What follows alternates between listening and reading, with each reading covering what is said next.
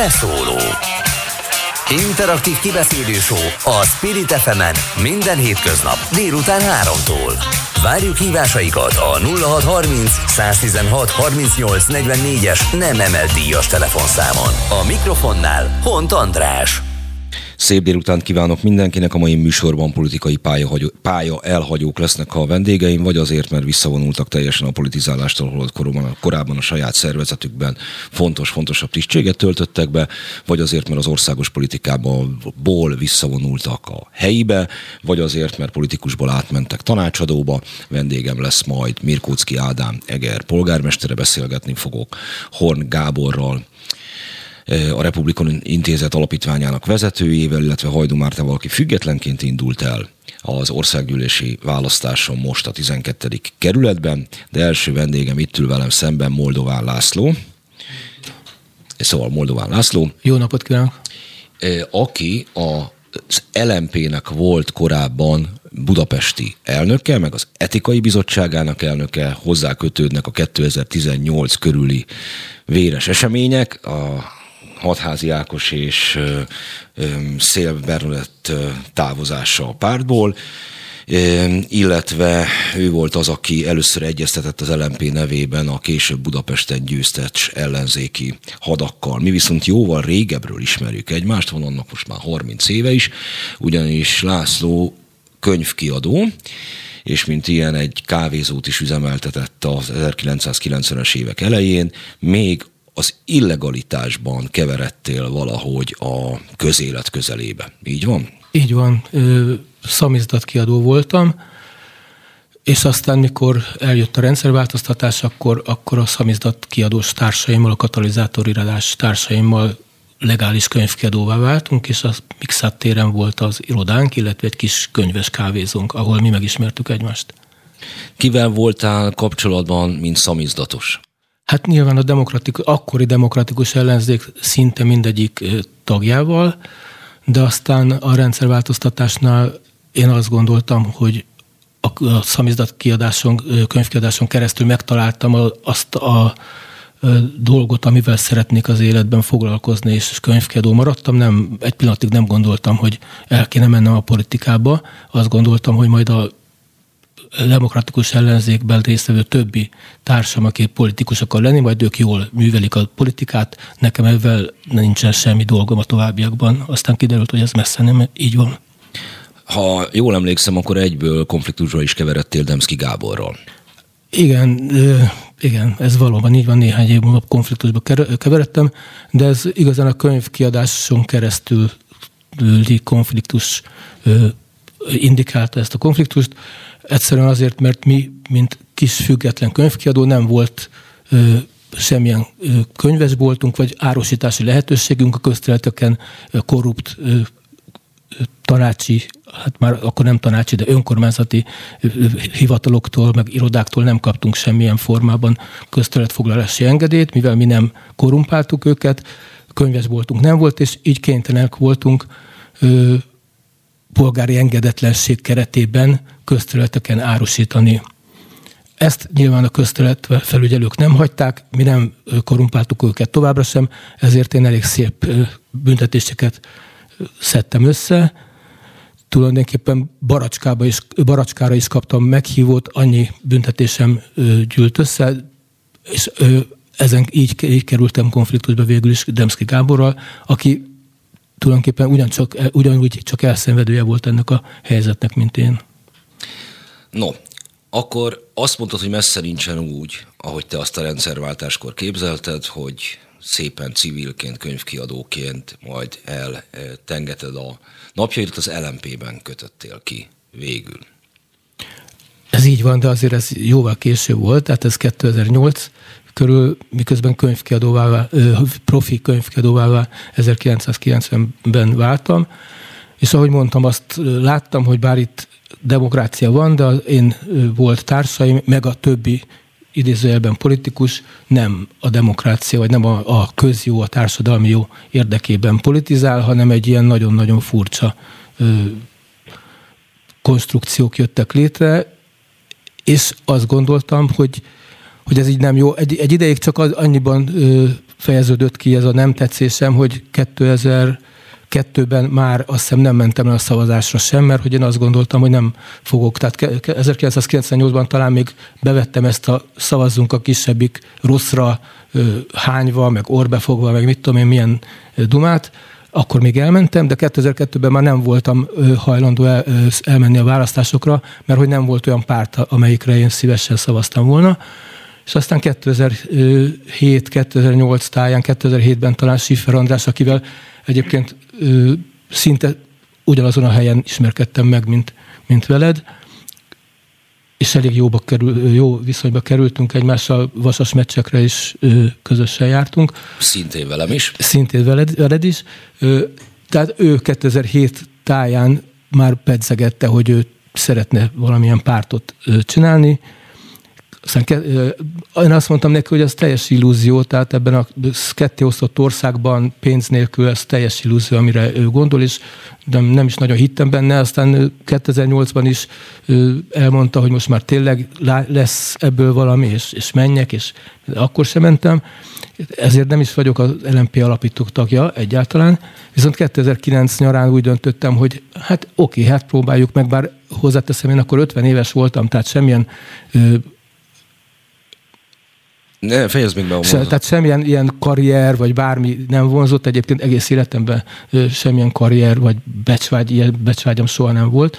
Na akkor itt hagyjuk most egy kicsikét abban, vagy szakítsuk meg, hogy a, nem volt, úgy léptél be az LMP-be, hogy nem volt politikai becsvágyad, ugyanis itt van velünk a telefonban Hajdu Márta. Mária. Mária, Mária egykori pártársad. Jó napot kívánok!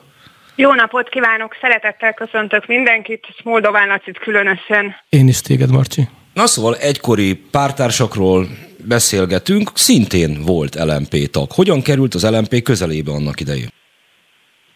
Mert Moldován László végigmondta az, az ő történetét ezzel kapcsolatban.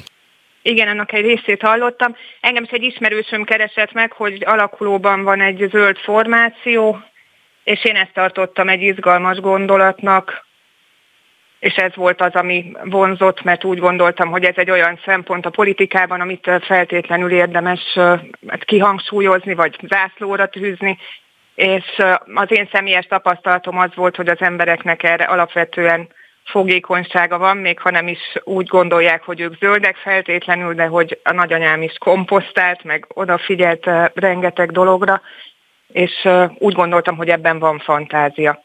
Mindez mikor volt? Ez 2008-ban az emlékeim szerint. Tehát akkor gyakorlatilag, a, még ha nem is közvetlenül alapító tag itt mindenki, de hát már az LMP bölcsőjénél ott voltak. Igen, olyannyira, hogy amikor párt alakult az LMP, akkor én alapító tag vagyok, tehát hogy a bírósági papírokon ott a kézjegyem, mert én akkor elnökségi tag voltam az LMP első, akkor még választmánynak hívták, de hogy abban megválasztottak. Na nézzük, hogy hogyan alakult aztán a pályája az LMP-ben. És az LMP-ből kifele.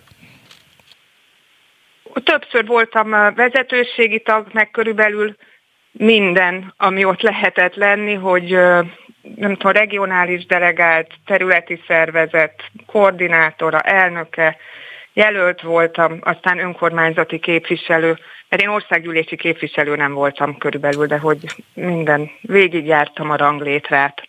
Bekerült összellenzéki társa, támogatással 2019-ben is a hegyvidéki képviselőtestületbe. Mi indította arra, hogy elinduljon az országgyűlési választáson, amelyet nem csak volt pártja, hanem az ott induló Hajnal Miklós is zokon vett, illetve nem bánta meg, hogy ezt tette. Egyáltalán nem bántam meg, én nagyon elégedett vagyok és büszke erre a teljesítményemre. A, és ami pedig... Ami azért egy százalék, ezt egyezzük meg, a hallgatók kedvéért. Igen, akkor, hogy egy szerint teljesítménynek mondható a nagy számokhoz képest, viszont ahhoz képest, hogy az ismeretlenségből az utolsó percben vágtam ebbe bele, ahhoz képest én szép teljesítménynek tartom. És ami meg kiváltotta, az az a szó, ami Magyarországon nagyon gyakran elhangzik, a kettős mérce, hogy ugye a Bangónét kirakták a pártjából, amikor derült arra, hogy valótlanságot állított a végzettségéről. Márki Zaj Péter kiírta, hogy ilyen nálunk nem lehet, meg nincsen kettős mérce, a fideszes hazugságokat is elítéljük, és közben pedig a Hajnal Miklósnak a hazugságát, vagy valótlanságot állított a saját végzettségéről, ez meg teljesen mindenféle reakció nélkül maradt. Nyilvánvalóan egy ilyen lépéskor megjelennek a gyanúsítgatások. Önt egészen nyíltan azzal vádolták, hogy ezt a Fidesz nem, hogy a Fidesz érdekében teszi, hanem a fidesz egyeztetve. Találkozott-e bármikor is a fideszes döntéshozókkal a, a, úgy, hogy ott az esetleges jelöltsége szóba került? Nem találkoztam. Ilyenkor mindenkit meggyanúsítanak azzal, hogy Fidesz bérenc, tehát hogy ez egy rendszeres vád szokott ugye lenni, meg kamujelölt, ez is elhangzik. De olyan, tehát nem tudom, az ellenzék erről úgy vélekedik, hogy a Fidesznek kéne szólniuk, hogy azok hogy mernek elindulni a választásokon, mert az ő esélyeiket rontja. Tehát, hogy nem egy demokratikus hozzáállás szerintem egyáltalán ez, ahogy viselkednek. Most mind a kettő irányba el fog hangozni a kérdés. Az nem tudom, hogy melyik eszméletlen mennyiségű kongresszusa volt a, az LMP-nek, ilyen kezdetben ilyen teljesen bázisdemokrata működése volt, de volt egy olyan emlékezetes esemény, amelyet az LMP kisé nehezen követhető belügyeit nem ismerők is megjegyezhettek 2012-ben, amikor döntenie kellett az irányvonalról. Melyikük volt ott? Én az etikai bizottság elnökeként természetesen ott voltam. Mária? Én, ped- én meg a területi szervezetem delegáltjaként voltam ott. Egy mesél... Így, mert ugye azt, ott történt az, hogy a, a később a párbeszéd betávozó lmp és politikusok visszaléptek minden tisztségükről, nem jelentették ugye ott be, hogy ők ki fognak lépni a, a pártból, de pár nappal később megtették. Hát nem, ezen a kongresszuson az történt, hogy leszavaztuk őket, tehát a LMP többsége nem fogadta el az ő irányvonalukat, és ezután léptek ki a, a, az LMP-ből, és alapították meg a párbeszédet. Hogy élte meg Mária ott azt az eseményt? Mert az többen ilyen lmp és szabadságharcként öm, vették hát be a párt legendáriumba. Egy izgalmas kongresszus volt, és ahogy Laci is mondta, hogy később történtek ezek a kilépések, és hát az is érdekes volt látni, hogy milyen az, amikor nem fogadja el egy kisebbség, hogy mi a többségnek a döntését, és ez nagyon nem hagyta őket nyugodni, és ezért jutottak erre a döntésre, hogy kilépnek. Amikor ez megtörtént, akkor én ezt tulajdonképpen felszabadulásként és az új lehetőségek tárházaként értem meg, mert bíztam benne, hogy akkor az LMP-t sikerül egy olyan irányba elvinni, ahol az önálló zöld politizálásnak van igazán jelentősége, és nem a szövetségesek keresgélésének. Elégtételt jelentette a 2014-es választás, amikor is az LMP önállóan bekerült a parlamentbe, öt mandátumot szerzett, míg a párbeszédesek közül csupán egyetlen egy képviselő lett. Valamennyire nyilván elégtételt jelentett, de egy kicsit hagykanyarodjak vissza. Tehát ez nem...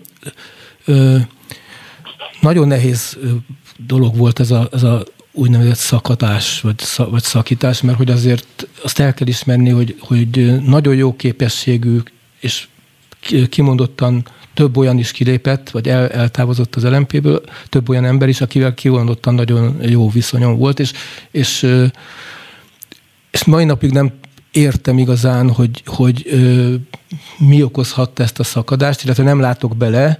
Nyilván azt tudjuk az előzményekből, hogy Bajnai Gordon szírre lépett, és akkor ott a pártnak ez a fele elindult Bajnai felé, miközben nyilvánvaló volt legalábbis az ott maradók számára, hogy Bajnai Gordon a régi rendszert képviseli nyilvánvalóan.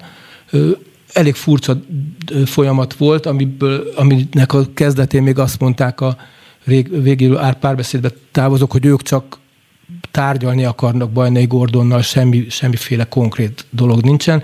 Majd miután kiléptek egy hónap múlva, már szövetséget is kötöttek velük, visszatérve a kérdésre, kérdésre, persze ez 2013 elején volt, és nyilván akkor senki egy fabatkát nem adott volna azért, hogy az LMP következő országgyűlésben is önállóan frakcióval fog jelentkezni, vagy, vagy frakcióval fog rendelkezni. Ez nyilván valamiféle elégtétel, de, de hogy mondjam, ez nagyon nehéz kérdés. Tehát olyan emberektől váltunk meg, akik tényleg jó képességűek voltak, baráti, némelyikükkel baráti viszonyban voltunk, viszont ha nagyon sarkítva nézem a, a kérdést, akkor meg elár, elárulták az LMP-t, nem tudom, mit ígértek nekik.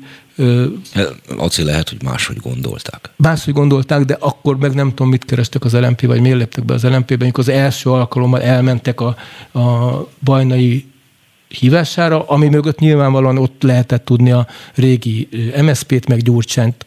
Tehát mindegy, ez egy olyan konfliktus volt, amelyik komoly törést okozott szerintem mentálisan is az ott maradókban is, meg az eltávozottakban is. Na jó, erről majd még beszéljünk külön. Jó.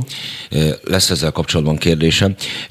Mária, hogyan tervezi most a, a jövőjét? Nyilvánvalóan még tart a mandátum a 2024-ig. Gondolom nem áll szándékában lemondani, noha az LMP felszólította. Pontosan így van, én az önkormányzati munkámat folytatom továbbra is most itt a kampányolás során több emberrel is beszéltem, akikkel megegyeztünk, hogy a kampány után majd az ügyes bajos dolgaikkal megkeresnek, és van feladat bőven. Ez akár azt is jelentheti, hogy valami szervezet színeiben 2024-ben is a hegyvidéken indulni szeretnének? Hát én nem látom még magam előtt azt a szervezetet, az a helyzet.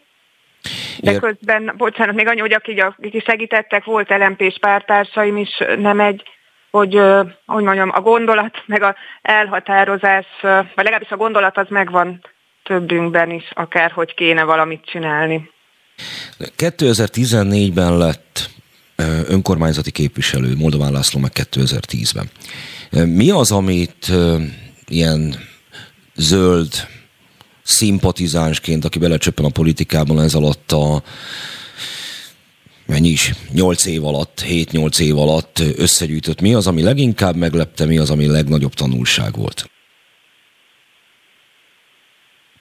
Most hirtelenjében, tehát ami szíven ütött engem, ugye ez a normafa kiemelt árami beruházás, és ami annak az égisze alatt folyt, azt gondolom egy nagy, hát nem is arcúcsapásnak, de hogy egy természetkárosító a beruházásnak, illetve amit én még nehezen viselek, ugye az a beépítéseknek a kérdése most itt kerületi szinten.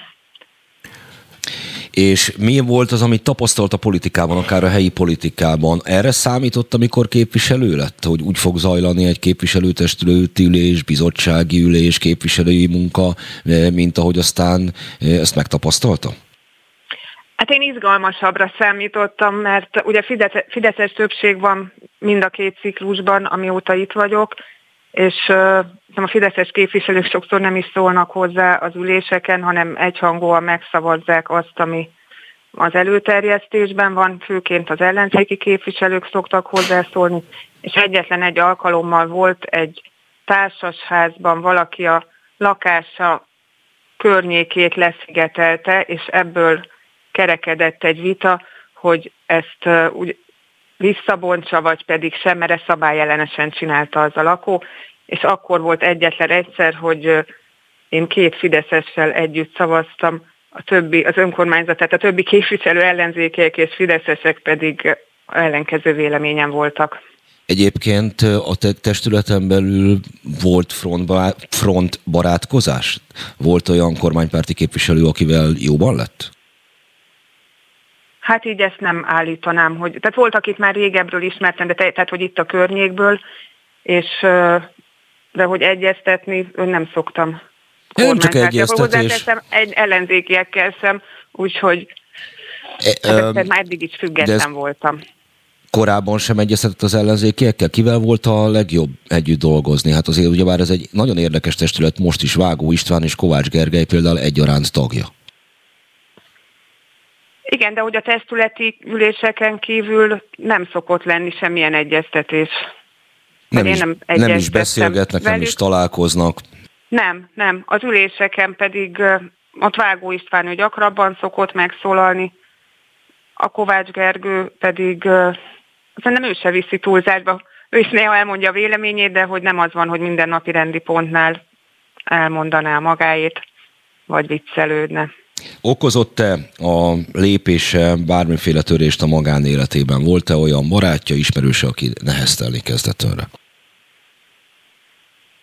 Hát így hirtelen nem jut eszembe, tehát hogy nem keresett meg ezzel, hogy ő most akkor neheztelem. Egy általános iskolai osztálytársnőm, édesanyja, akivel az utcán összetalálkoztam, ő mondta, hogy neheztelem, de azért szeret. Így. Na hát akkor még a legjobban megúszta. Ezt a kérdést fel fogom tenni majd Moldován Lászlónak is, de csak pár perc múlva, mert elmegyünk egy rövid promóblokkra Hajdu Máriának, aki a hegyvidéki önkormányzat jelenleg független képviselője, és független képviselőjelölt volt a most vasárnap megrendezett választáson, pedig köszönöm, hogy rendelkezésünkre állt Moldován Lászlóval pedig, aki az LMP volt budapesti elnöke és etikai bizottsági elnöke. Mindjárt folytatjuk a beszélgetést. Beszóló Interaktív kibeszélő a Spirit fm minden hétköznap délután 3-tól. Várjuk hívásaikat a 0630 116 38 44-es nem emelt díjas telefonszámon. A mikrofonnál Hont András. Továbbra is szép délutánt kívánok mindenkinek.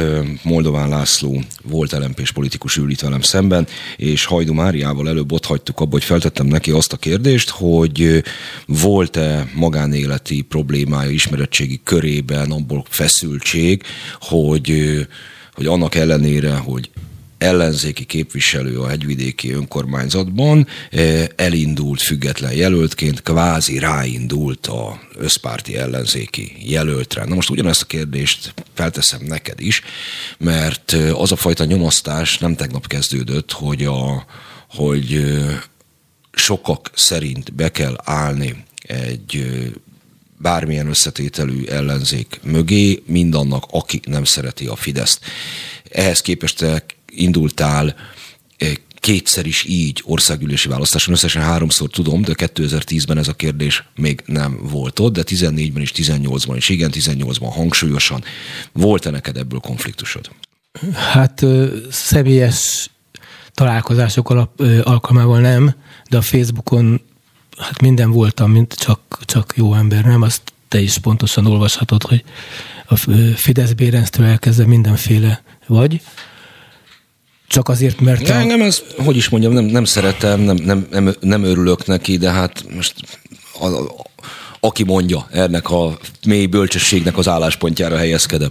Jó, értem, de én azért ezt nehezebben, talán kicsit nehezebben dolgoztam föl, főleg akkor, és mondok két nagyon súlyos pontját, azt azért elmondanám, hogy 2014-ben és 2018-ban is a DK-s jelölt ellen indultam, és hát ezt ö, ismerjük a DK troll hadsereget, tehát őket ezt nem nagyon kedvelték, és a DK internetes szenny portája is komoly karaktergyilkosságba kezdtek, de ami legjobban fáj, az két dolog, mert ebben teljesen igazad van, hogy a Facebook népe mit mond egy saját buborékjában, az az hogy mondjam, nehezen viselhető, de azért nem nagyon számít. De amikor ö, egy magát magas értelmiségnek gondoló Csordás nevű könyvkiadó lehazárulóz, meg amikor egy közismert közvéleménykutató Han Endre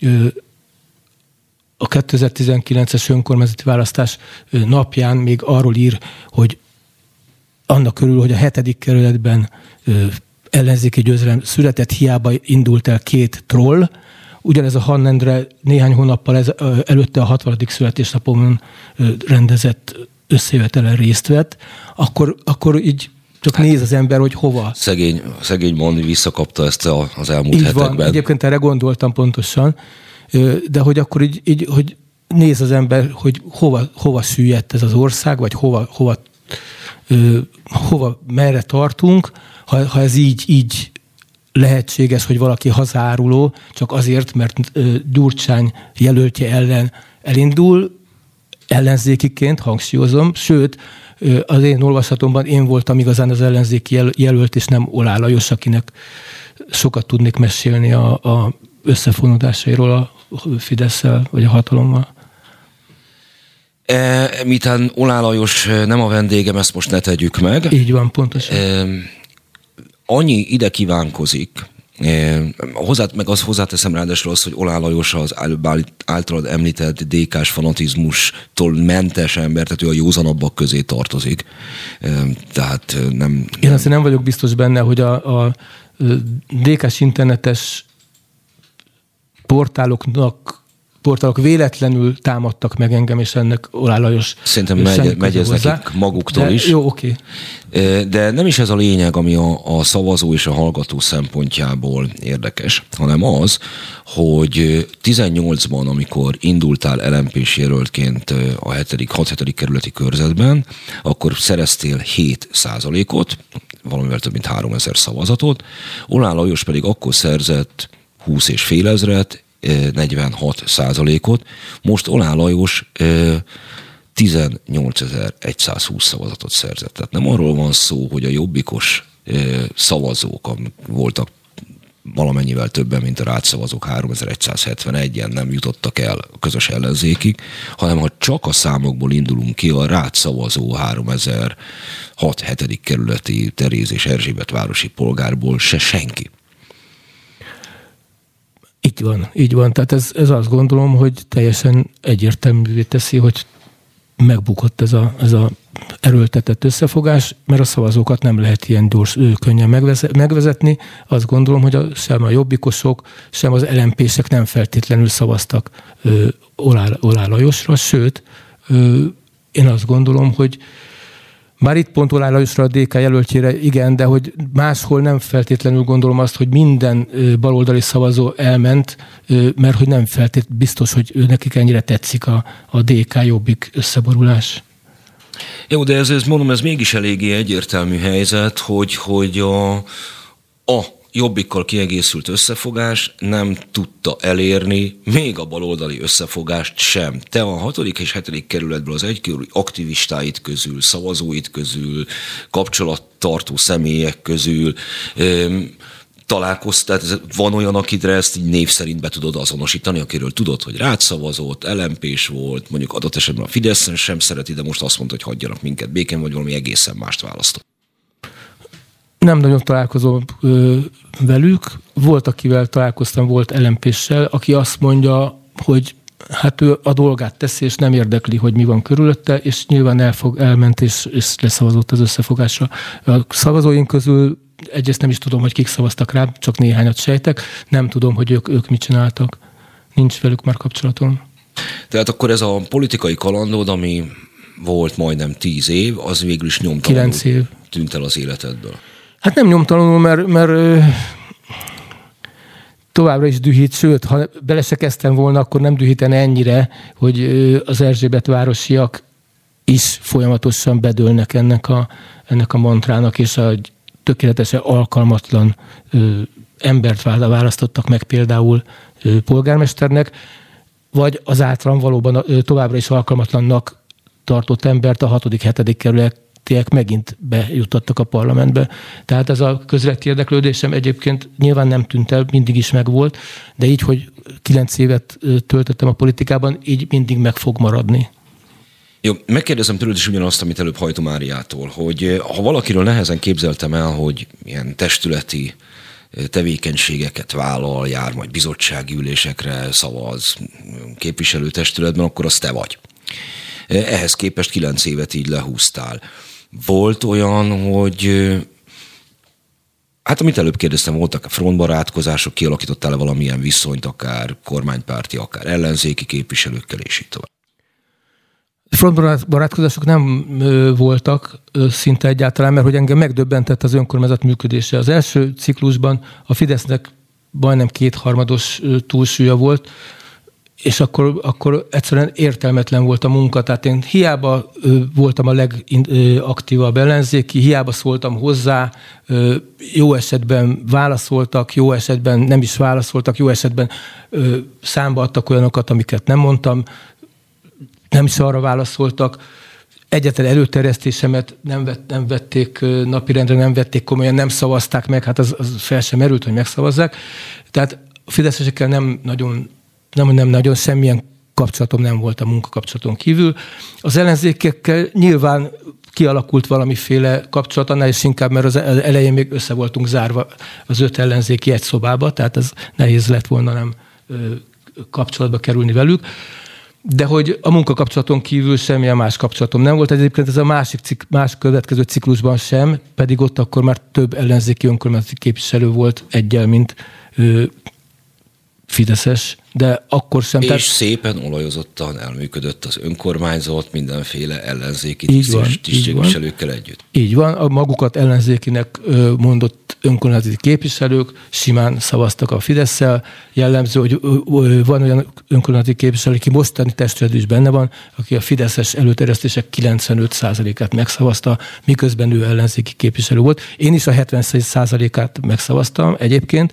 Mi ez az arány egyébként a legkisebb aránya fideszes előterjesztések megszavazása között, de hogy nyilván vannak olyan előterjesztések, amit óvoda nyitva tartás, vagy mit tudom én, micsoda, amiket meg kell egyszerűen szavazni. De amiről te is utaltál, hogy valóban a Fidesz mindig talált olyan ellenzékit, aki hajlandó volt velük szavazni.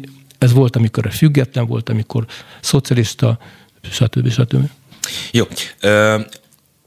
Azért kérdeztem mindezt, mert, mint jól tudod, én is voltam önkormányzati képviselő ugyanott, ahol te, én még mondjuk a fővárosi közgyűlésben is, és amikor esetemben ez először történt, az még a 90-es évek volt. És az teljesen más volt. Egyébként nem csak a hetedik kerületben, hanem a fővárosban is. Mi szót értettünk egymással, össze is tudtunk veszni bármilyen pártállású emberek, MDF-es szocialistával, mi épes SZDSZ-essel, volt valami olyan belső hangulat, hogy mégiscsak mi vagyunk megbízva egy adott közösség vezetésével, az ő gondjaiknak a megoldásával, és ezen mondom, tényleg volt benne még olyan módon is szenvedély is, hogy ezt folytattuk ülés után se, ülések után is.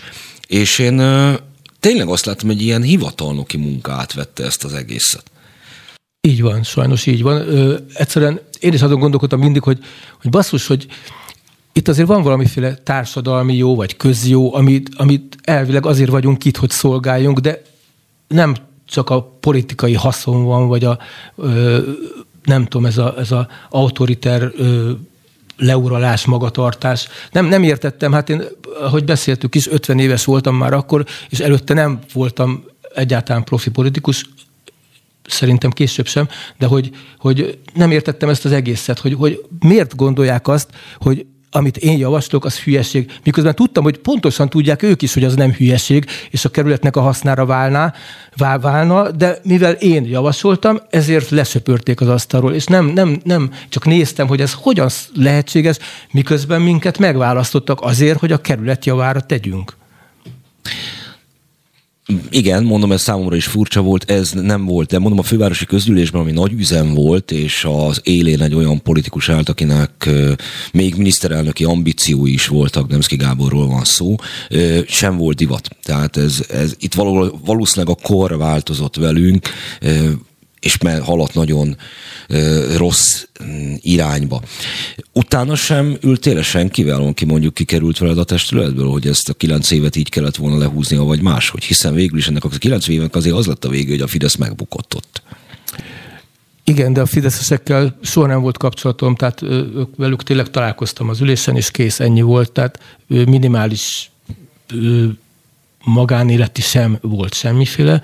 A akkori ellenzékiek nagyjából meg mind bejutottak talán egy kivételével az új önkormányzatba, sőt, hát többen alpolgármesterek meg különböző pozíciókba kerültek, velük meg gyakorlatilag ezért nincs kapcsolatom, mert hogy én ezt teljesen elfogadhatatlanak tartom, hogy egy ide ejtőernyőzött Gyurcsány által kiválasztott teljesen inkompetens embernek a, a beosztottjaként ők itt dolgoznak a kerületben, és ugyanazt hajkózzák egy, egyébként, mint az az ember. Tehát nem mondják azt, hogy ebben nincs igaza, legalábbis nem teszik nyilvánvalóvá és nyilvánossá, hogy ez, ez így hülyesség, meg szar, meg, meg nem ért hozzá. Tudom, rossz hogy naív vagyok, mint, tudom, hogy naív vagyok. Mint rossz, csak azért, mert ez egy, hogy is mondjam, csak egy olyan rádiódás, amit a média tanács aztán jól meg fog büntetni. Ja, bocsánat.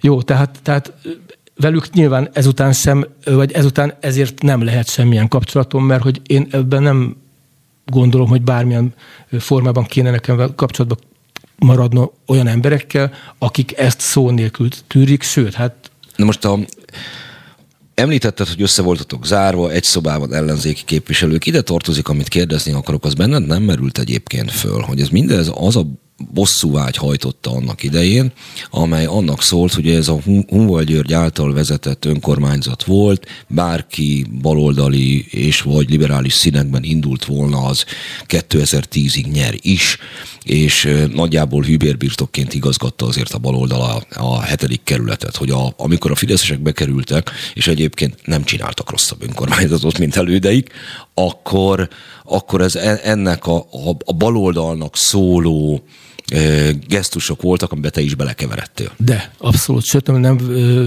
annyira fölmerült, hogy gyakorlatilag elég gyorsan tisztába jöttem vele, hogy ez, ez így van. Talán beszélgetésükből ki is derült, hogy, hogy de hát ők is így bántak velünk. És akkor érzem én, vagy értem én, hogy ez egy ilyen visszavágás volt, meg egy hihetetlenül sértett attitűd. Csak néha engem összemostak a, a baloldallal, amit én mindig kikértem magamnak, meg elmondtam, hogy annak, annak az előző önkormányzatnak én nem voltam része, tehát nekem ne rólják már föl a Hunvalt féle. De ezt mégsem ezeket. lehet megtörni. Tehát térjünk vissza a 2012-es LMP kongresszusra, mert valahogy mégis ez a, a lényeg, és ebből az nem tud... Maga a kongresszus az 2013 elején volt, ha jól emlékszem. Nem, nem. Lehet. Jó, mindegy, de... Az a lényeg, hogy te 12 igen, vége, van, vagy 13 igen. eleje, 12. október 23-án jelentette be Vajnai Gordon, hogy visszatér a politikába. Tehát mindenképpen ezt követő időszakban volt ez.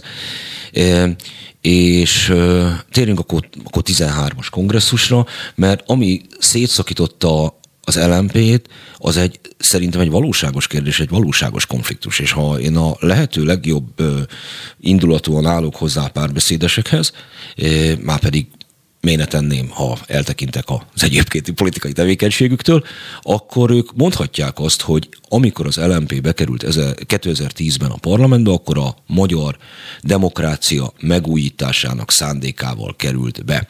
És az ő olvasatukban roppant rövid idő alatt kiderült, hogy itt nem a demokrácia megújításáról van szó, hanem megvédéséről, tehát egyszerűen változtatni kell nekik is. Na most Értem.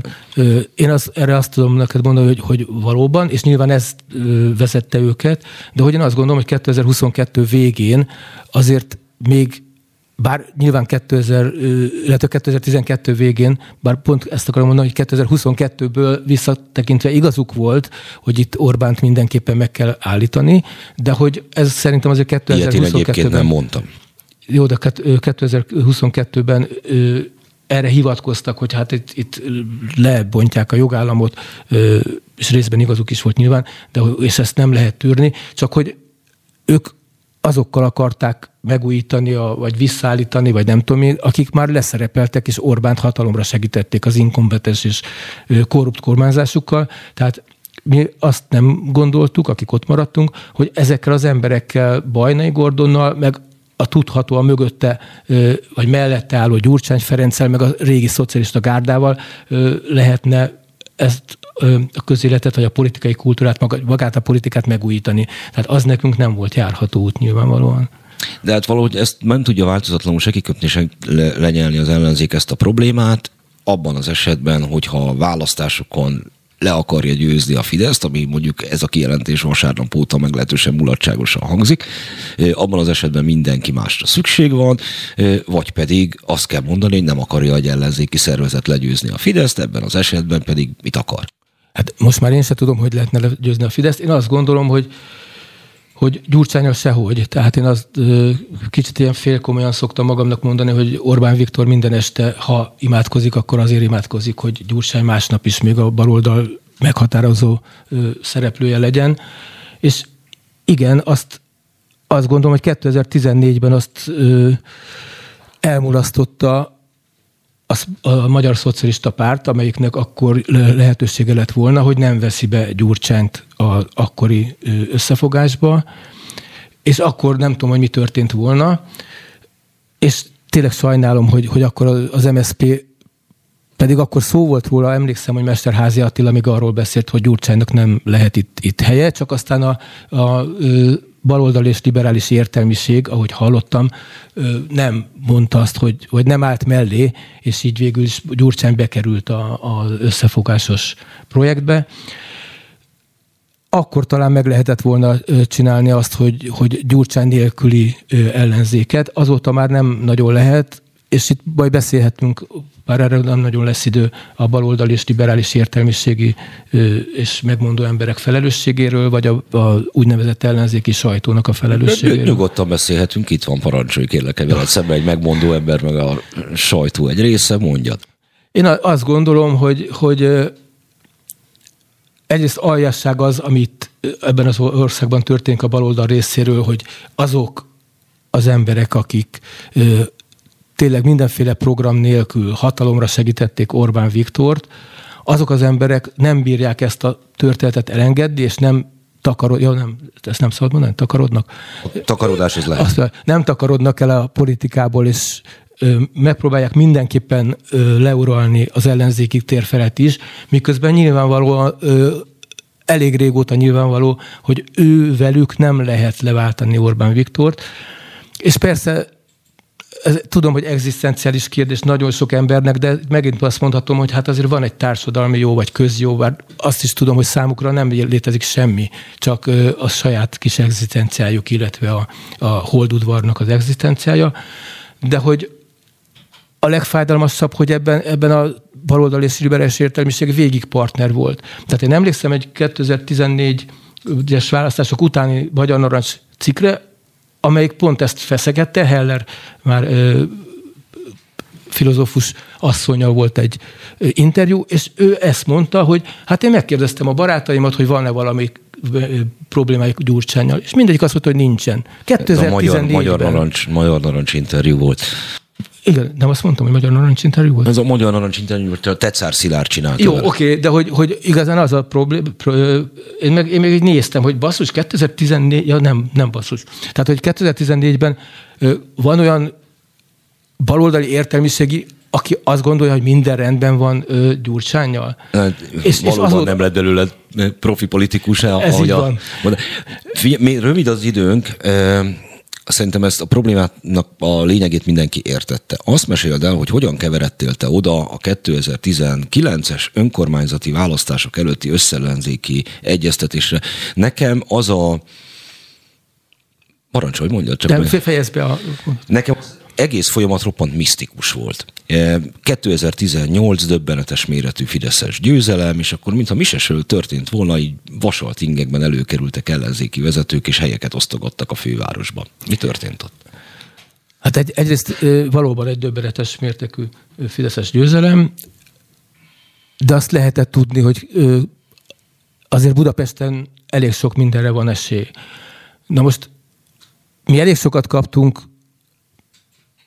nyilvánvalóan a 2018-as választások után, hogy az LNP okozta megint a Fidesz kétharmadát, meg stb. stb.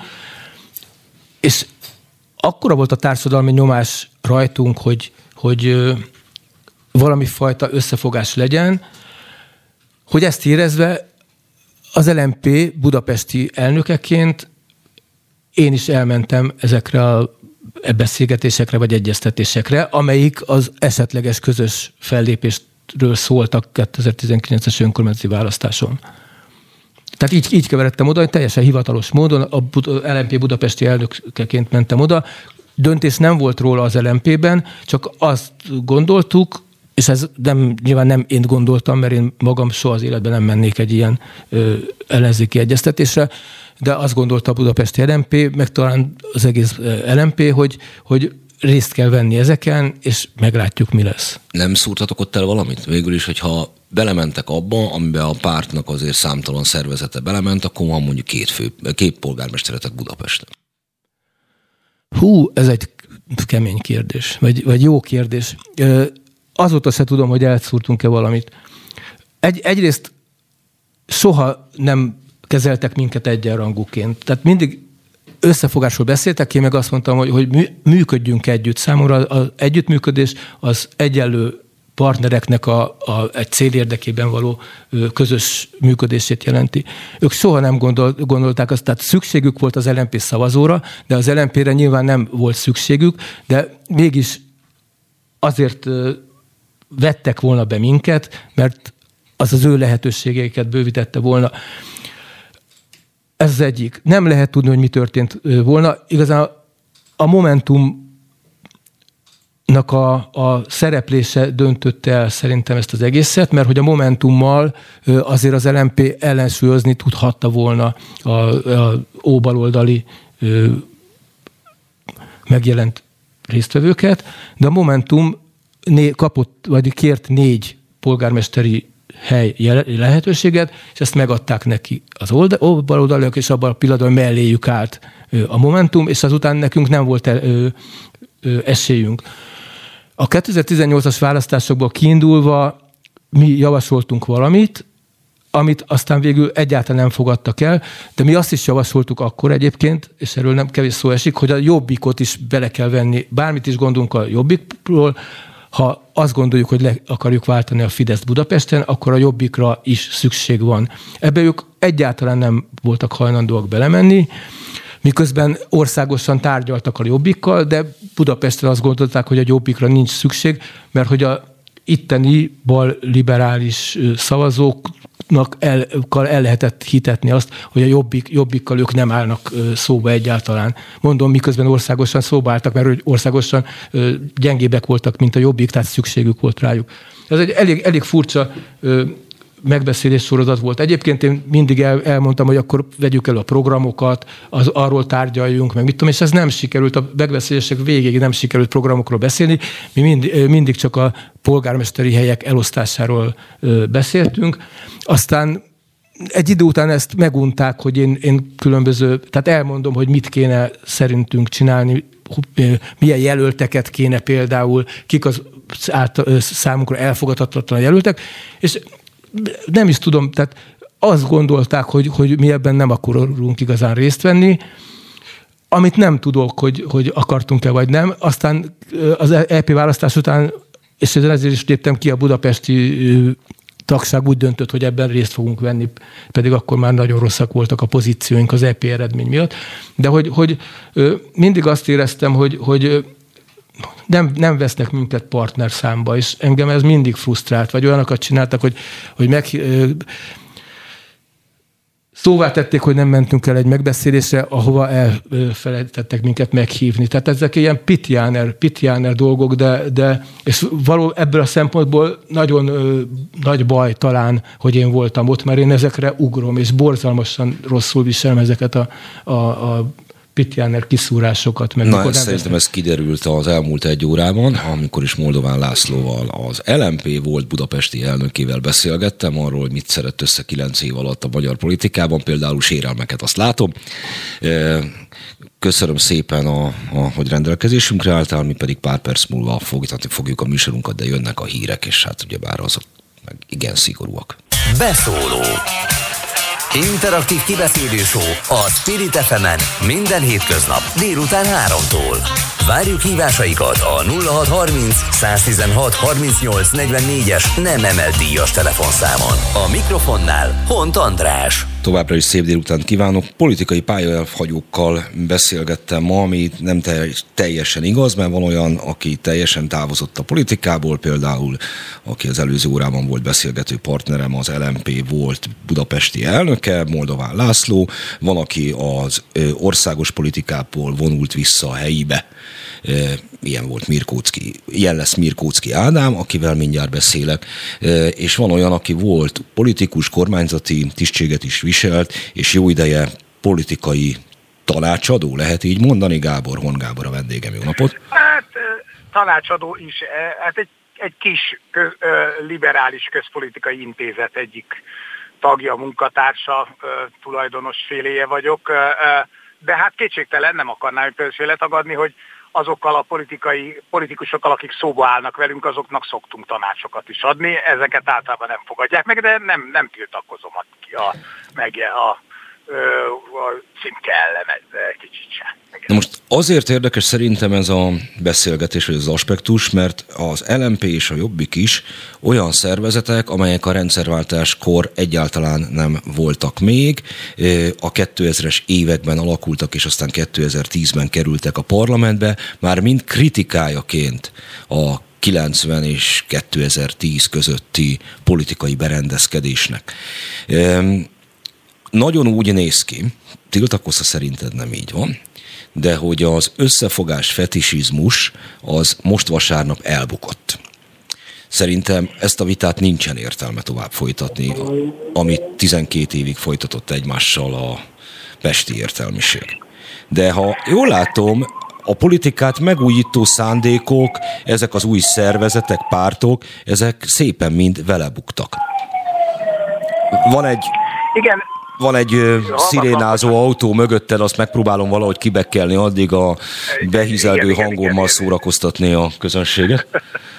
Én is igyekszem elmenekülni előle. És akkor, de most már eltűnt, úgyhogy rendben vagyunk. Igen, igen, igen. Most. Szóval szerint egyrészt az, hogy a, a, az összefogás fétisizmus eltűnt, ezt én egy csipetnyi sóval elfogadom ezt az állítást, abban az értelemben, hogy az a fajta gondolkodás, hogy itt összeadható a legkülönbözőbb szavazótáborok csak azért, mert születik egy akár szentesített, mert az előválasztás azért egy szentesítés, egy, egy megállapodás, ez láthatóan nem működik. Tehát láthatóan a választók nem követik az adott esetben a, a nem feltétlenül követik a, a, a saját pártjuk, akár törzszavazóit sem, mert ezt láttuk azért féltésneség nagyon gyakran hangzik el, hogy itt kizárólag a jobbik az, ami, a, ami eltűnt a rendszerben, de azért ezt mondjuk a budapesti eredmények alapján nem lehet feltétlenül elmondani. Tehát nem csak a jobbikos szavazók nem követték, törzszavazók a, a, a megállapodást, hanem máshol is van lemorzsolódás. Mióta mondom ezt?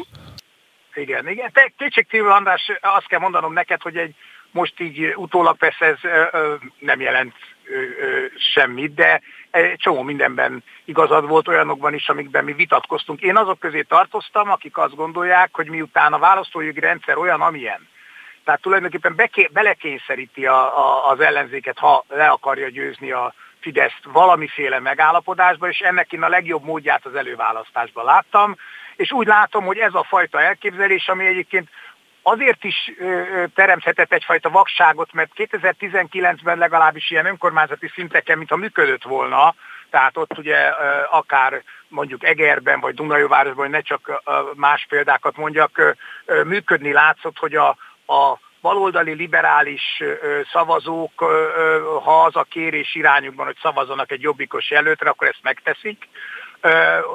Fordítva nem, nem nagyon volt ez kipróbálva, hogy szépen fogalmazzak. A mostani elemzések azt mutatják, hogy leginkább a jobbikos szavazók azok, akik nem követték a megállapodást, de nem azt jelenti, hogy teljesen kimaradtak. Tehát az az állítás, éppen ma készült nálunk el egy anyag, hogy itt tulajdonképpen eltűntek volna, hogy, hogy teljes egészében a jobbikos szavazók eltűnése okozza a 800 ezer körüli potenciális szavazóvesztést a 2018-hoz képest. Ez szerintem, vagy nem szerintem, hanem az adatok szerint azért nem felel meg a valóságnak, de kétségtelen jobbikosok fogytak el a leginkább, valószínűleg elfogytak olyan bizonytalanok, akik 2018-ban még hitték azt, hogy esetleg érdemes a, az, az akkori valamelyik ellenzéki pártra szavazni.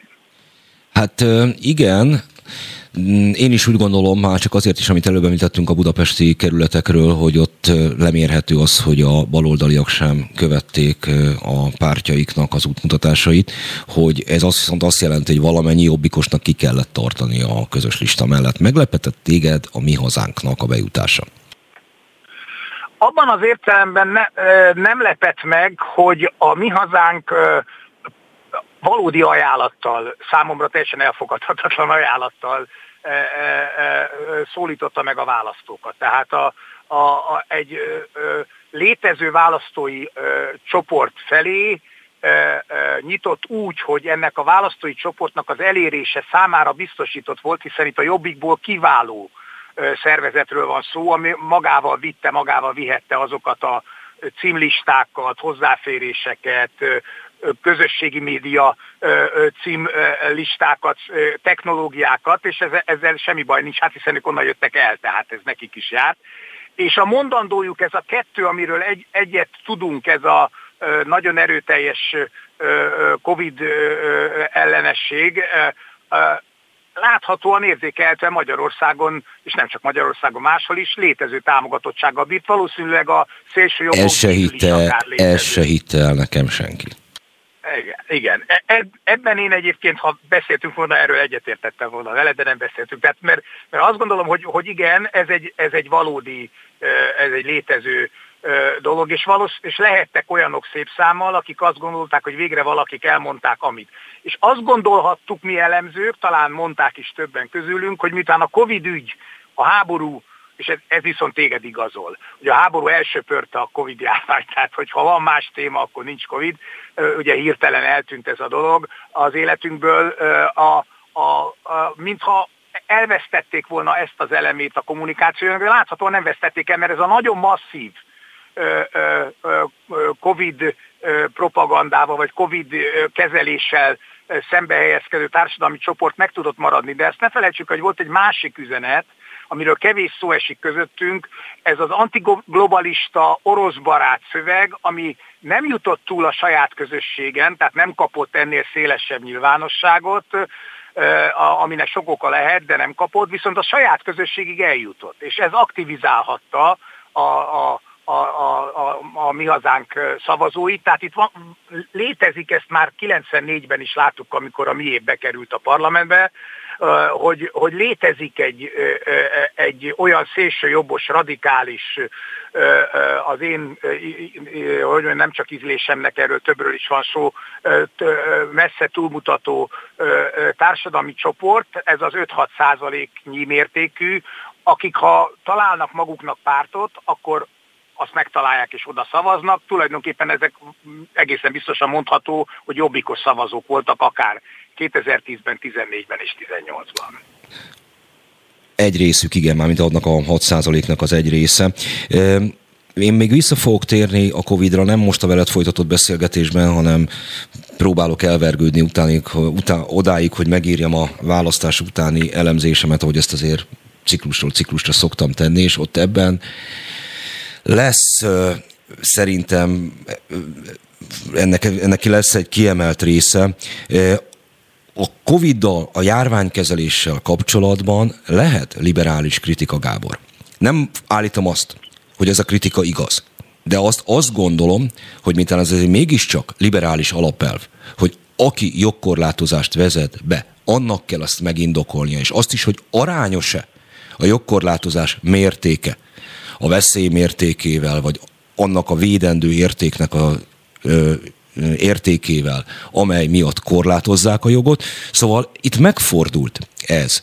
És ebben most nem is az a kérdés, hogy, hogy valaki egyetért velem vagy sem, hanem az, hogy mennyire nem volt kész arra a magyar értelmiség, hogy ezt egyáltalán problémává tegye, tárgyává tegye a vitájának. És ugyanez a sematizmus, köszön szerintem vissza a választásokhoz, a politikához, a politikusokhoz való vagy hozzáállásban is. Egyet értezte ezzel? Abban, én magam ezt a személyes dolgot tudok mondani erre elnézést, mert nyilván nem erre kíváncsiak a hallgatók, de én ezt a különböző helyzetekben egy, egy másképp éltem meg. Tehát én az első Covid időszakban azok közé tartoztam, akik nagyon-nagyon be voltak szarva, bocsánat. Tehát nagyon úgy, érezték, úgy éreztem, ugye én már nem vagyok olyan fiatal, hogy ez itt egy olyan kezelhetetlen világ, amivel én még soha életemben nem találkoztam, és baromira féltem tőle. De az idő haladtával azt láttam, hogy tényleg, hogy igazad van neked, meg jó néhányaknak abban, hogy a túlreagálás messze benne volt, az ismeretlentől való félelem, akár politikai szándékok is benne voltak ebben a dologban, és a, a, a, a, egy, egy idő után már én is azt gondoltam, hogy, hogy igaz ez a felvetés, és azt is igaz, abban, abban biztos, hogy egyetértek veled, hogy a, a, a magát liberálisnak gondoló értelmiség ebben a helyzetben is, meg akár a, a, a jelenlegi választások helyzetében is tulajdonképpen nem liberálisként viselkedett, a, a, a, a, ahogy viszonyult ez a dolog. meg nem is értelmiségként.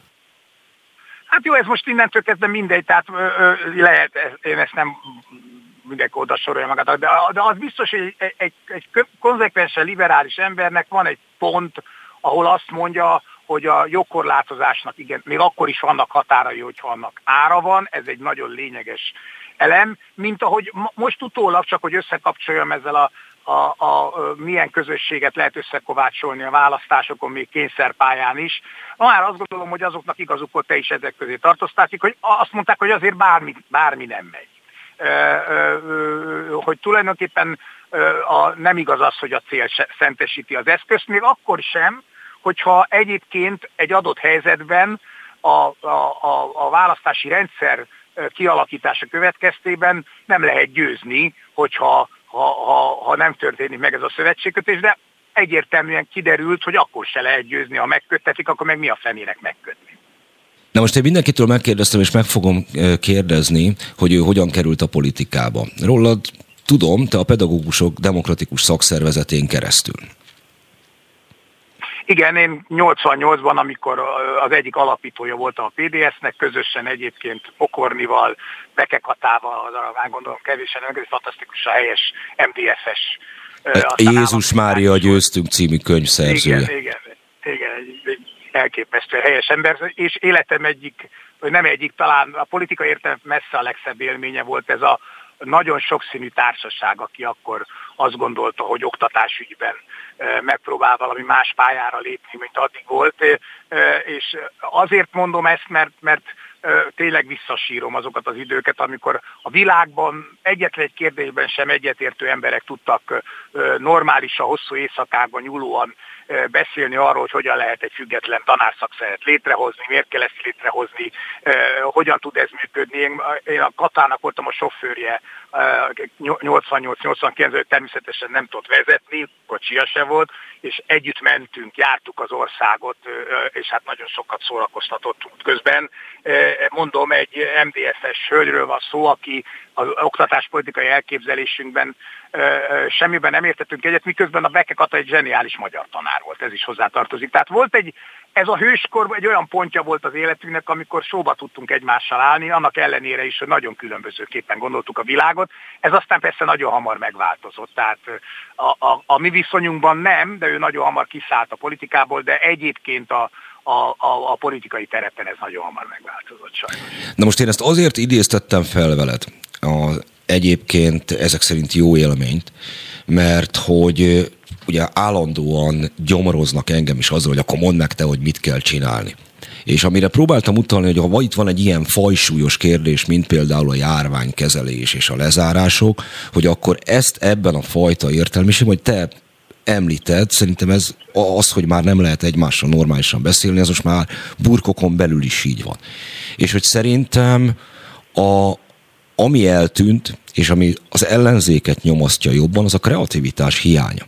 És őszintén szólva fogalmam sincsen, hogy a nyílt beszédet, az inspiráló gondolatoknak a világát, azt hogyan lehet helyreállítani. Addig teljesen fölösleges foglalkozni bármilyen kampánytechnikával, mert a rendszer sorsa azon múlik, hogy mikor lesz vége magától.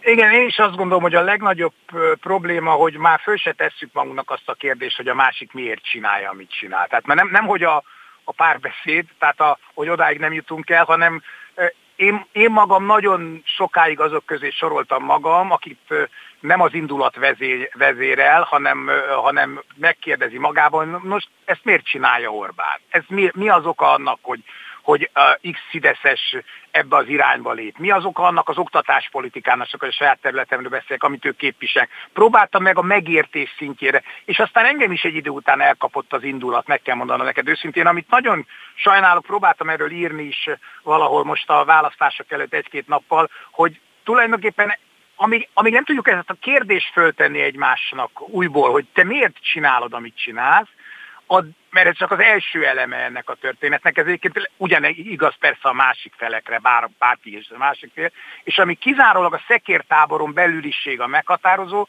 addig nem fogunk tudni túllépni a saját kereteinken, addig nem fogjuk megérteni azt, hogy mi folyik az országban ebben mindenkinek van szerintem ugyanannyi a felelőssége, meg ugyanannyi dolga, tehát ebben nincs különbség a, a, a jobb baloldal, a liberális oldal között. Talán az értelmiségnek ebben jóval nagyobb felelőssége van, mint a többieknek. A másik kérdés, amit föltettél, hogy a kreativitás, mert én ezt is fontosnak tartom, hogy egyszerűen az, hogy 2006 óta tehát ö, ö, ö, nem volt győzelmi esélye, reménye, és hát ezt a győzelmese a, a, a, a, a nem fideszes világnak, ez egyfajta kontraszelekciót is jelent. Tehát nagyon nehez, nehéz belépni ebbe a politikai térbe, nagyon nehéz azt mondani, hogy valaki ö, tehetséges, fiatal vagy nem fiatal, ez most nem kor kérdése, ember azt mondja, hogy ő akkor most ennek szenteli az életét, mert, mert olyan reménytelen az egész, és ez jelent egyfajta, nem, nem hogy mondjam, nem gazemberség, semmi, nem, nincs rossz, egyfajta középszerűséget azok között, akik ezt csinálják. Tehát, hogy valahogy belesüllyed ez a, hogy ha, ha, ha nem lehet soha nyerni, ha nincs miért, akkor, akkor olyanok, akik egy kicsit másképp gondolkodnak, ezért tud megmaradni ugyanaz a vezetés. Ugye nincs, nem csak azért, mert hogy azt az elemi morális lépést nem teszi meg mondjuk egy ekkora bukás után egy hat párt, hat párt elnöke közül egyik se, hogy lemondjon, talán Karácsony az, e, e, aki azt mondta, hogy hát akkor ő nem indul el újból, tehát ez nem, nem, nem teszi hozzá, hogy miért, mert ez, ez egy morális kérdés, ez, ez egy dolog. De hogy nincsenek is kihívók, tehát nem jelenik meg XY párban valaki más, a gyerekek, hát látj, ezt nagyon elrontottátok, hát ez borzasztó, ami történt, akkor én most elindulok, és éle, én megpróbálom átvenni, és megpróbálok egy másik üzenetet mondani. A legjobban egyébként az MSZP látszik ez szerintem, ahogy összeszűkült a, a a, a, ez, a, ez a háttere, ez a idézőjelben káderállománya, elnézést nem jut, nem jut jobb szó eszembe, ahogy elvesztette azt a, a, a, a fölhajtó erőt, hogy jöhetnek új emberek, akik, a, akik azért másképp akarják csinálni, kihívóként megjelennek, és sajátos módon még a bizonyos értem a Momentumban is így van ez. Pedig ahogy az elején te magad mondtad, hogy, hogy mint hogyha ezek az újak úgy belesodródnának a régibe, ugye Márkiza is az, az elején mi is beszéltünk erről, úgy tűnt, hogy, hogy ő egy kívülről jövő ember, aki valami mást képvisel, majd belesz, beleszürkült ebbe a, az elitbe. Ő is részévé vált ennek, egy gyönge részévé, egy folyamatosan bugdácsoló részévé, de részévé vált ennek. Most ez nem akarom belemenni Márkizaj elemzésbe, mert ez nagyon hosszú lenne, és nem is erről kérdeztél. Tehát valahogy ezt... Meg én, érzem, én, hogy, én nem, nem tartom a leglényegesebb dolognak. Fontosnak én tartom, hogy de nem, nem ezt tartom a leglényegesebbnek. Én, nem ez volt, én, én azt gondolom, hogy nem ez volt a bukás alapvető oka. Tehát más se hozott volna jobb eredményt.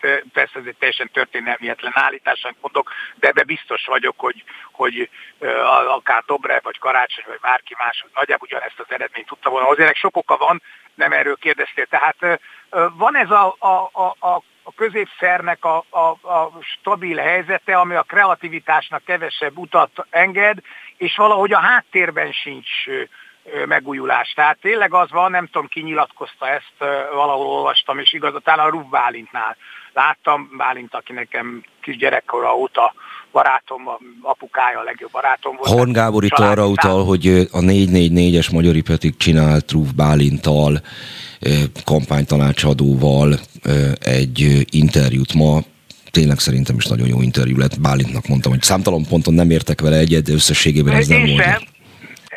Én is így vagyok, hogy szántam, de azt gondolom, hogy összesen, hogy például az az elem, hogy ugyanazok csinálják a háttérben is, tehát hogy nincs, nincs csere, azok, akik bebizonyították, hogy nem megy, azok újból megjelennek és csinálják tovább. Hogy ez így nem, nem megy, mert a, a, a kudarcnak kell, hogy legyen következménye. Nem, nem, nem mondhatjuk azt, hogy a, ugye a kormányal szemben gyakori érv, hogy nincs következménye a cselekedeteknek, de hát az ellenzéknek sokkal inkább így van, és ennek mondom az az, az egyik oka, hogy nincs, nincs kihívó, nincs versenytárs, mert normális esetben ilyenkor egy életképes pártnál kellene, hogy ott álljon a, a háttérben X ember, aki azt mondja, eljött a mi időnk, elegünk van belőled, most akkor mi másképp csináljuk. De ezt sehol nem látom. Hát, de én azt se látom, hogy ez a politikán kívül bármiféle mm, következményt beindítal. Most már politikában sem. De nem véletlenül kérdeztem rá, hogy mikor kerültél a politikába. Te szerintem fiatal felnőttként, gyerekként, kamaszként nem gondoltad azt, hogy te nem, hogy hivatásos politikus leszel, hanem lesz olyan ebben az országban, amikor azt a Magyar Szocialista Munkáspárton kívül bárhol gyakorolják. És e- Abszolút ennek, sőt. És ennek ellenére nem tűnt el az akkori értelmiségből még a közéleti érdeklődés, igény, nyitottság sem.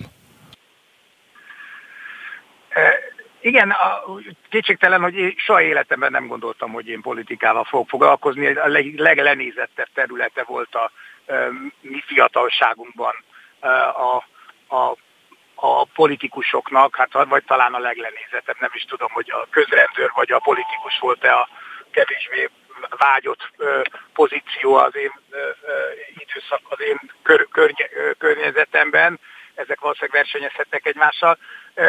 Tehát mi egy kicsit se gondoltuk, hogy az életünket így fűjük le. Én egyébként nem, nem bánom, azt hozzá kell tennem, hogy ezt a, hogy 20 évet eltöltöttem, vagy 21 néhányat a politikában, mint aktív politikus, mert borzasztó izgalmas időszak volt. Tehát, de azt kell neked mondanom, hogy azt meg még kevésbé bánom, hogy 2009-ben eldöntöttem, hogy kiszállok. Mert azt gondolom, hogy az is egy fontos eleme ennek az egész történetnek, kicsit folytatva az előzőeket, hogy nagy, nagyon nehéz kiszállni a politikából, mert ugye nagyon nehéz visszamenni bárhova, de az, hogy, hogy, hogy beleragad az ember, és csak ez van neki, és nem tud mást elképzelni, az meg egy komoly kártékonysága ennek az egésznek, mert ettől a, ez megint stabilizálja ugyanazokat az adott esetben kudarcos embereket a rendszerbe, mert ő meg nem tud kiszállni, nem tudja azt mondani, hogy köszönöm szépen, akkor nekem ez elég, és ez részben egzisztenciális, de nem csak egzisztenciális. Nem csak egzisztenciális, eh, szerintem be is kell fejeznünk, mert vége van, de ez egy szerintem elég jó kifuttatása a műsornak, mert ez itt nem csak arról van szó, akik benne vannak, azok se tudnak kilépni belőle, akik csak gondolkodnak róla, hogy mindent,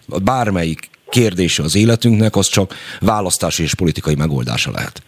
E, igen, ebben teljesen igazad, nem akarok visszajönni. Én, én nagyon sok embernek mondtam azt el, aki az én környezetemben de, mély depresszióba esett az eredmény láttán, hogy hát nem ez a mi életünk, hogy félreértik a dolgot. Hát a mi életünk nem attól függ, hogy ki a miniszterelnök. Így hát van, de még csak a közéletünk érdekel, sem feltétlenül ez. Lásd még csak a köz, így van, még csak a közélet. Na szerintem ez a feladat, ezeket megtalálni belőle. Horn Gábornak is köszönöm, hogy itt volt velünk, meg mindenkinek, aki hallgatta idáig a műsort, még Mirkóczki Ádámmal fogok beszélni az adás hátralévő részében. Beszóló Interaktív kibeszélő show a Spirit fm minden hétköznap délután 3-tól. Várjuk hívásaikat a 0630 116 38 44-es nem emelt díjas telefonszámon. A mikrofonnál Hont András. Jó napot kívánok! Folytatjuk tovább a műsor. Szép délután mindenkinek. Mirkóczki Ádám Eger polgármestere a vendégem. Szép jó napot! Mindenkitől megkérdeztem ezt ma, öntől is meg fogom tenni, hogy hogy is kezdett el politizálni? Milyen indítékai voltak, meg ilyesmi? Hát ez nagyon érdekes. Az egyetemen, sőt inkább azt mondom, hogy a gimnáziumban szociológiai tanulmányaim során vált számomra világossá, hogy engem sokkal jobban érdekel a, a társadalom és a közélet, mint, mint mondjuk maradjunk annyiba egy átlag embert. Viszont első körben nem feltétlenül a politika vonzott, hanem inkább annak közege, és én újságíróként képzeltem el magam.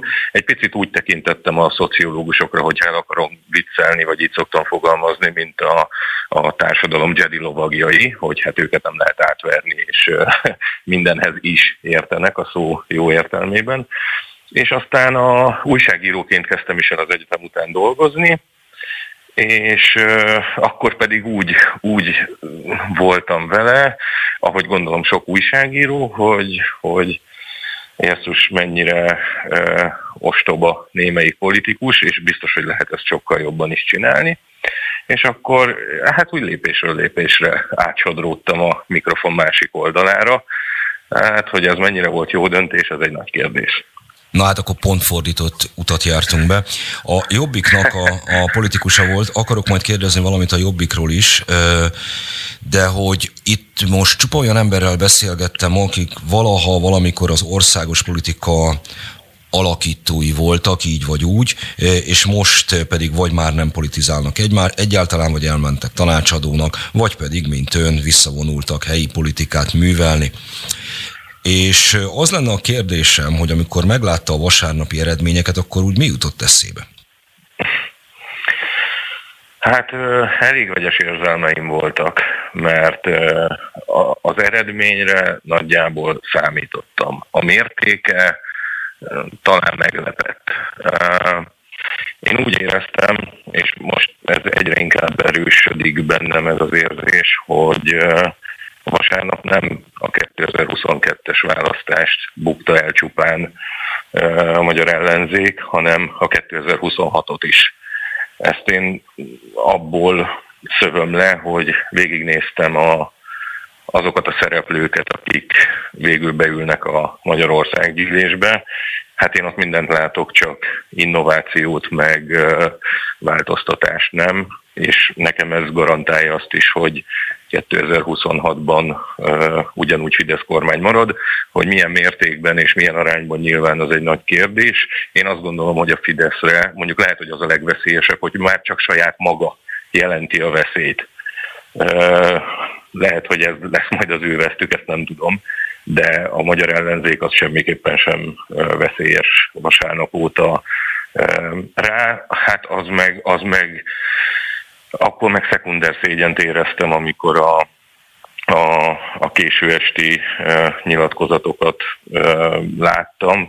Ezt nagyon röviden össze tudom foglalni. Este hétig e, a szavazófülkékben bukott meg politikailag a magyar ellenzék, olyan este 10 órakor pedig az ellenzék vezetői emberileg és erkölcsileg is.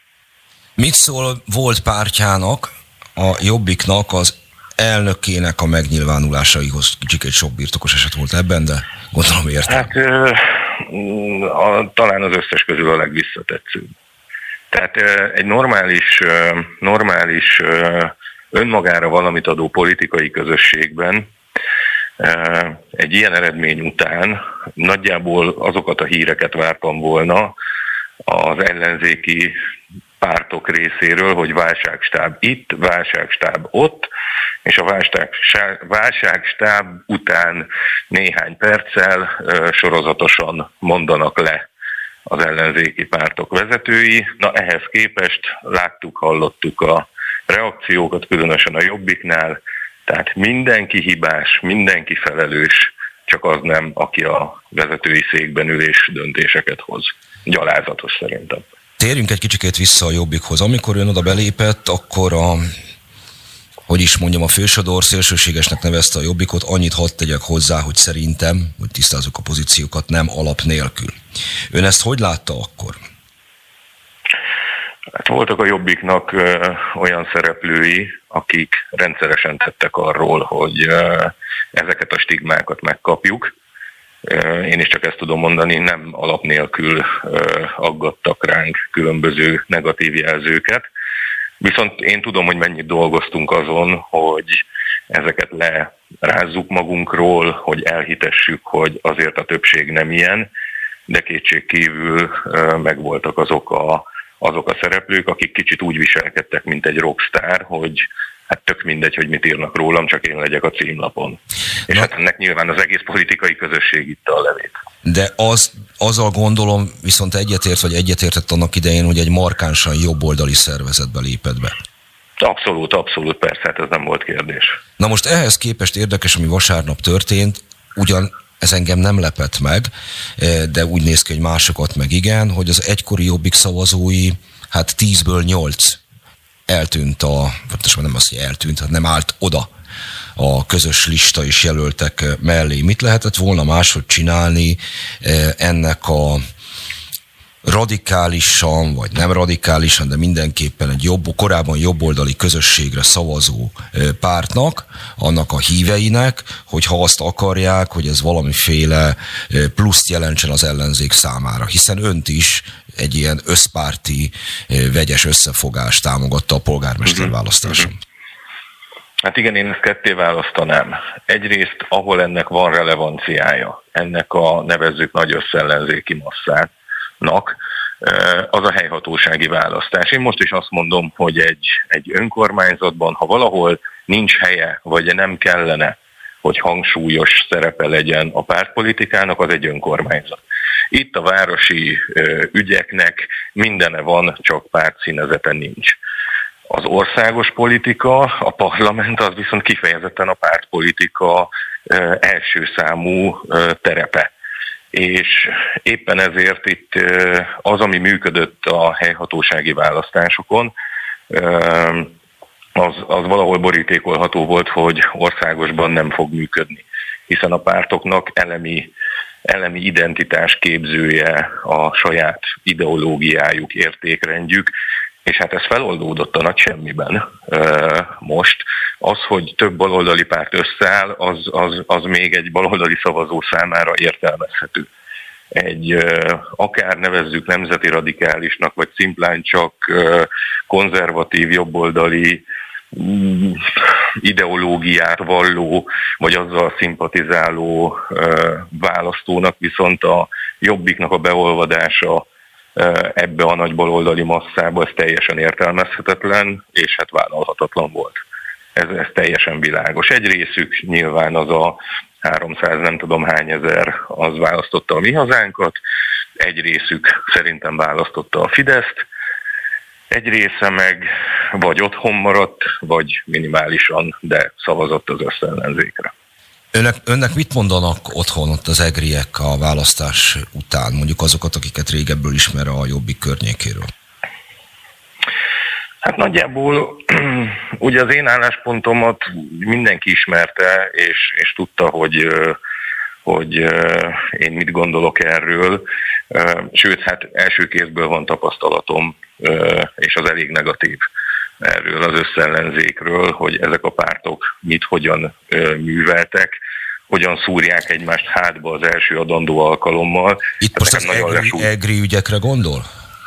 Az persze, hát az egri történések, hát itt ez, ennek én első számú ö, ö, megtapasztalója voltam, hogy még önkormányzatban sem működik, ahol kellene tudni működnie. És ö, itt is megvoltak. Persze nagyon sok ö, egyéni kvalitás miatt, nagyon sok ö, apróság, ami a, a pártok, ugye a saját kis mozgásaik miatt, de hát a lényegen ez nagyon nem változtat. És egyébként ez egyben azért saját kudarcom is természetesen, tehát én én nem vonom ki ebből a képletből magam. Én hittem abban, hogy lehet ezt úgy csinálni, és számítottam rá, hogy a többiek is hasonlóan látják, hogy mindenki elhagyja a pártpolitikát, mert az önkormányzat másképp nem fog működni. Hát nem hagyták el. Ennek viszont ez lett az eredménye, ami lett, meg hát országosan meg pont fordítva. Beszéljünk egy kicsikét a tágabb környezetéről, a megyéről magáról. Heves megyében három körzet van, ebből 2018-ban egyetlen körzetben nyert csak abszolút többséggel a Fidesz a 60-ban, és ott is Schneider Tamás akkori jobbikos jelölt értékelhető eredményt ért el azért. Meglepetésre 2000 szavazattal kikapott Vona Gábor, holott négy évvel korábban sokkal kisebb volt a különbség. Viszont most ott gyöngyösön már több mint tízezerrel.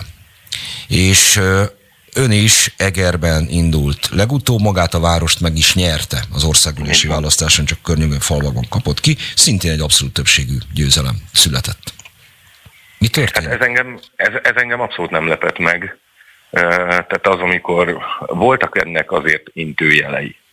Tehát amikor Egerben egy a kezdet-kezdetétől nagyon erős jobbikos egyik fellegvárban a teljes jobbik szervezet feloszlatja magát ö, 40 taggal, ez mind 40 hadrafogható aktivista, és a jobbik nem csinál semmit az ég egy a világon, hogy ezt valahogy kezelje. Nyilván ezt megelőzően kellett volna foglalkozni velük, a, akkor én mondtam, hogy tehát ez borítékolható volt. És borítékolható lehet mindenki számára, aki egy picit is mondjuk az egri politika történetet ismeri. Az, hogy a kis településeken tarol a Fidesz, ez teljesen nyilvánvaló volt. Ha valakinek ez meglepetés volt, hát akkor, akkor négy évet csúszott le, hiszen 18-ban ez már jól látható volt, hogy, hogy az nem az ellenzék terepe. Hogyha itt valamit szeretett volna az összeellenzék, akkor Egervárosát kellett volna, nem tudom, egy legalább 5-10 százalékos előnyel megnyernie, hogy itt kiki meccs legyen a, a választókerületben. De hát ez gyönyörűen se sikerült, ahol, ahol szintén a város az teljesen ellenzéki, ellenzéki polgármester van, szinte az összes egyéni képviselő ellenzéki. Hát igen, ennek nyilvánvalóan az az oka, hogy, hogy azért ahogy összeadódtak itt a pártok papíron, azért a választók ezt nem követték le. Tehát, nyilván itt a, a jobbik a leg, vagy hát a korábbi jobbik szavazók, jobbik szimpatizánsok esete látszik a legmarkánsabban, de, de feltételezem fordítva is lehetett ilyen még arányában kisebb mértékben is. Tehát ez, ez Hát ez nem, nem tudom, mondanám, hogy ez nagy tanulópénz kell, hogy legyen a, az ellenzéknek, de szerintem ez sem lesz tanulópénz, ahogy látom, hogy továbbra is megkívánják őrizni az összefogást, és hát nincs alternatíva. Hát szerintem lenne, de hát mindegy, nem én vagyok most ott, úgyhogy Ön mikor is lépett ki a Jobbikból? Már az önkormányzati választás után 2020-ban, vagy már 19-ben? 20, 20 elején, 20 elején, igen, igen. Na most én nem várom azt el, hogy négy szemközi megbeszélésekről tájékoztassa a közvélemény, de a benyomásait azért elmondhatja. Ön ott és akkor beszélt Jakab Péterrel, a Jobbik elnökével. Volt valami olyasmi, mert úgy gondolta, hogy nagyon nem fogják megérteni egymást, hogy teljesen más malomban őrülnek, más univerzumban vannak? Uh, volt, abszolút volt. Nekem, nekem az volt a furcsa, hogy én emlékszem, hogy Vona Gábornak annó mennyit rágtam a fülét a 18-as választást megelőző hetekben, napokban, hogy 5 kötőjel 10 fontos és szimbolikus helyen, elsősorban Budapesten és Pest megyében vissza kellene lépni a Jobbiknak az esélyesebb ellenzéki jelölt javára cserébe nyilván 5 kötőjel 10 vidékien, vidéki helyszínen pedig az ellenzék többi része lépjen vissza a jobbik javára. És akkor én kaptam hideget, meleget, hogy micsoda ö, gondolatok jutnak nekem eszembe, meg hát itt a jobbiknak egyedül kell, stb. stb. Ugye ismerjük a történetet, meg annak eredményét is. Na most azok az emberek, akik ö, ilyen kritikával illettek akkor engem 18-ban, Hát most együtt mosolyogtak, vigyorogtak óriás plakátokon, szórólapokon és Facebook posztokon, meg szelfiken azokkal a szereplőkkel, akikkel hát én nem akartam összeállni, csak hát szimbolikus visszalépéseket javasoltam. Nyilván volt rossz érzésem, persze nem véletlenül, nem csak azért léptem ki, mert én ezt halálosan komolyan gondoltam, hogy önkormányzatot nem szabad pártpolitikai logika szerint vezetni, de, de nem esett nehezemre kilépni már abból a jobbikból. Na most meg kell védenem Vona Gábort, mert hát az olyan, mintha az idő azért őt igazolta volna. Annak lett volna értelme, hogy a baloldal lépjen vissza még csak nem is 5 kötőjel 10, hanem 10 kötőjel 15 vidéki körzetben, és az 10-12 jobbikos mandátumot jelenthetett is volna, de hát a vá- mostani vasárnapi választás azt mutatja, hogy a jobbikos szavazók nem követik a pártjukat abban az esetben a baloldalra vannak. Mondjuk esetleg Szél Bernadett körzetében négy évvel ezelőtt talán az LMP és Szél Bernadettre leszavaznak, vagyunk Csárdi Antalnál, de hogy, hogy világosan derült ki az, hogy amivel vádolták a 18-as pártvezetőket, az nem volt igaz. Nem, nem rajtuk múlott, hanem a választókon múlik. Ez, ez így van, ezt elfogadom. Ezt, ezt elfogadom. Mit ezt gond... elfogadom. Én azt gondolom, hogy a, a kétharmad lehetett volna, vagy azt lehetett volna megakadályozni esetleg egy oda visszalépéssel. Mit gondol, hogy az önkormányzati pozíciók hogyan járultak hozzá az ellenzék eredményéhez? Engem nagyon meglepett az, hogy bár nem sok minden lepett meg, de az igen, hogy sem Iskolcon, se Dunaújvárosban nem sikerült eredményt elérni, se Szolnokon. Ezeknek mi lehet az oka? Rossz az ellenzéki önkormányzatok megítélése, rosszul működnek, lusták a képviselőik. Mi történhet? Uh-huh. Hát szerintem ennél banálisabb a, az ok. Tehát itt egy országgyűlési választásokon mindig más a tét. És alapvetően itt, hogyha a Fideszre jutó voksokat nézzük, Én vélelmezem csak, meg személyes tapasztalat, hogy itt Orbán Viktorra szavaztak az emberek. És szerintem ez az elsődleges oka. És azonnal irrelevánsá vált, hogy, hogy milyen a, az adott önkormányzat összetétele, vagy milyen az adott település vezetése politikai színezet tekintetében.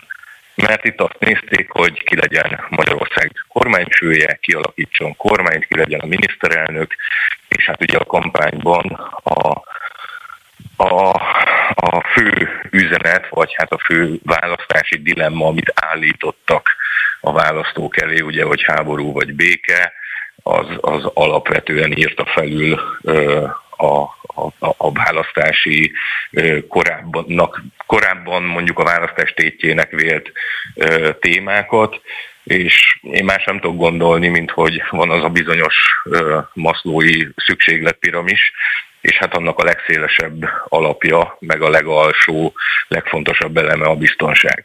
És erre a Fidesz tökéletesen ült föl, én ezt gondolom. Ezt én is így gondolom, azzal együtt, hogy szerintem a háború meg az utolsó hetek kommunikációja az a kétharmadot döntött el, de enélkül is szerintem de hát nyilván rengeteg hiba volt ellenzéki oldalon, rengeteg. És hát az, az egymás csesztetése egy kampányban azért az elég erős. Igen, de amit, amit ön mondott a Jobbikról, az szerintem viszont megállja a helyét. E, én úgy látom, hogy ha hiba nélkül húzza le az ellenzék az elmúlt fél évet, abban az esetben ugyan nincsen kétharmad, de akkor is biztos Fidesz győzelem születik, mert félmillió jobbikos nem szavazott volna. Tehát szerintem 2 millió 200 ezer szavazatot érhetett volna a legjobb esetben ez az ellenzék. Én legalábbis körülbelül ennyivel számoltam. Val- valószínűleg igen. Valószínűleg. Hát, hogy ott egy profi, profi gépezet van, tökére fejlesztett mozgósítási technika, és hát ennek már csak ezen a politikai tortán csak hab az, hogy pénzparipa fegyver pedig minden mennyiségben adott kormányzati oldalon. Bár ha én most optikailag indulok ki a, a az EGRI választókerületből, azért a, a felszínen ö, abszolút eltűnt ez a, ez a Fidesz hegemónia. Tehát ha én az óriás plakátokat, citylightokat, kiadott újságokat, szórólapokat nézem, amivel fizikálisan találkozhattak a, a választók, akkor én azt mondom, hogy itt, itt egyáltalán nem volt különbség. Nyilván az internetes felületek az már egy másik történet, de, de én azt láttam, hogy pénzparipa fegyver tekintetében, legalábbis Egerben nem volt Fidesz hegemónia.